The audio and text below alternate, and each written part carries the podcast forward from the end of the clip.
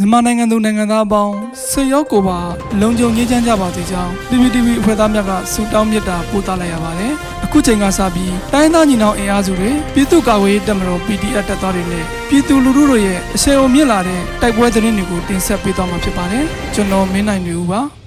။ပထမဆုံးတင်ဆက်မှာကရန်ကုန်မြို့နယ်ကိုကူမှာစစ်တပ်ထုတ်မြန်မာပြည်ရောင်းသောစိုင်15ခုကို YUG ဘုံခွဲတရီပေးပြီးစစ်တပ်ထုတ်ကုန်ရောင်းချမှုများ ချက်ချင်းရက်တံရန်ပြောကြားတဲ့သတင်းမှာရန်ကုန်မြို့ရှိမြို့နယ်ကိုခုမှစားတောက်ဆိုင်နဲ့ကုံစုံဆိုင်15ခုကိုဖေဖော်ဝါရီလ24ရက်နေ့တွင်ပြည်သူ့ကာကွယ်ရေးတပ်ဖွဲ့ YUG အဖွဲ့ကဖောက်ခွဲမှုများပြုလုပ်ခဲ့ပြီးဖြစ်ပြီးကြန့်ရှိနေသောစားတောက်ဆိုင်များနှင့်ကုံစုံဆိုင်များအနေဖြင့်မြန်မာပြည်နှင့်စစ်တပ်ထုတ်ကုန်များရောင်းချနေမှုကိုချက်ချင်းရက်တံရန်ရန်ကုန် Urban Guerrillas YUG တပ်ဖွဲ့ကထုတ်ပြန်ကြေညာထားပါတယ်။စီးပွားရေးလုပ်ငန်းရှင်များအနေဖြင့် စတိုးဆိုင်များစားတောက်ဆိုင်များတွင်မြန်မာဘီယာနှင့်အခြားသောစစ်တပ်ထုတ်ကုန်များကိုရောင်းချခြင်းလုံးဝလုံးဝမပြုလုပ်ကြရန်သတိပေးတားမြစ်ကြောင်းလိုက်နာခြင်းမရှိဘဲဆက်လက်ရောင်းချနေသောဆိုင်များကိုအကြမ်းဖက်စစ်တပ်၏ဖက်စစ်တောက်တိုင်များအဖြစ်သတ်မှတ်မည်ဖြစ်ကာဖက်စစ်တောက်တိုင်များကို YUG အနေဖြင့်ချွင်းချက်မရှိရှင်းလင်းသွားမည်ဖြစ်ကြောင်းကြိုတင်သတိပေးအပ်သည်ဟုထုတ်ပြန်ချက်မှာပါရှိပါတယ်ထို့ပြင်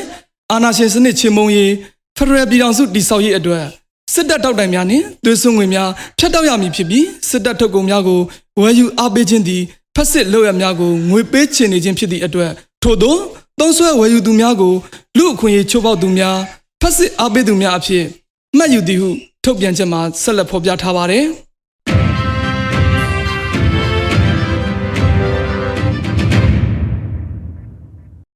ဆက်လက်ပြီးပခုတ်ကူမျိုးစီပင်သားယာယုံဝင်ရောက်ပစ်ခတ်ခံရပြီးဘုံခွဲတိုက်ခတ်ခံရတဲ့သတင်းတင်ဆက်မှာပါ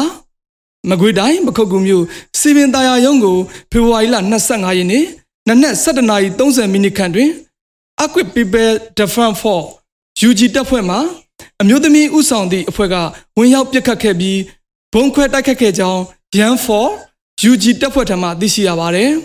အဆိုပါပခုတ်ကူမျိုးစီပင်သားယာယုံသည်အကြမ်းဖက်စစ်ကောင်စီ၏ အုပ်ချုပ်ရေးရန်ရာများကိုငွေကြေးစစ်စင်စေခြင်းများ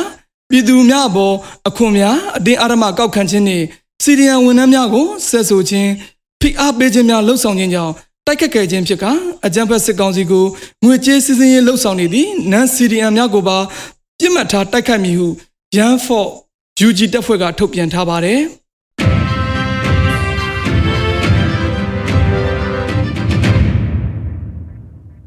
နောက်ဆုံးအနေနဲ့ အမျိုးသားညီညွတ်ရေးအစိုးရပြည်ထရေးနဲ့လူဝင်မှုကြီးကြပ်ရေးဝန်ကြီးဌာနက2022ခုဖေဖော်ဝါရီလ25ရက်ရက်စွဲနဲ့ထုတ်ပြန်တဲ့ပြည်သူ့ခုခံတော်လှန်စစ်တရင်အချက်လက်တွေကိုတင်ဆက်ပေးသွားမှာပါ။အာဏာသိမ်းအကြမ်းဖက်စစ်အုပ်စု၏ပြည်သူလူထုအပေါ်အကြမ်းဖက်ဖိနှိပ်ဖမ်းဆီးတိုက်ခိုက်တပ်ဖြတ်နေမှုများကိုပြည်သူလူထုတရက်လုံးကအသက်ရှင်တန်ရေးအတွက်မိမိကိုယ်ကိုမိမိခုခံကာကွယ်ပိုင်ခွင့်အရာပြည်သူ့ခုခံစစ် People Defense War ကိုဆင်နွှဲလျက်ရှိပါတယ်။တရင်ချက်လက်များအရာ 24ရက်2လ2022ရက်နေ့တွင်စစ်ကောင်စီတပ်ဖွဲ့ဝင်68ဦးသေဆုံးပြီးထိခိုက်ဒဏ်ရာရရှိသူ19ဦးထိခုခံတိုက်ခိုက်နိုင်ခဲ့ပါတယ်စစ်အာဏာရှင်စနစ်မြမမြေပေါ်မှာအပြစ်တိုင်ချုပ်ငြိမ်းရေးနှင့်ဖက်ဒရယ်ဒီမိုကရေစီတည်ဆောက်ရေးအတွက်ငြိမ်းချမ်းစွာဆန္ဒပြသည့်လူထုတပိတ်တိုက်ပွဲများကပြည်내နှင့်တိုင်းဒေသကြီးများမှာဖြစ်ပွားပေါ်ပေါက်လျက်ရှိပါတယ်မြေပြင်မှာယခုတွေ့ရှိရတဲ့သတင်းအချက်အလက်များတဲ့ပို၍ဖြစ်ပွားနိုင်ပါတယ်ခင်ဗျာ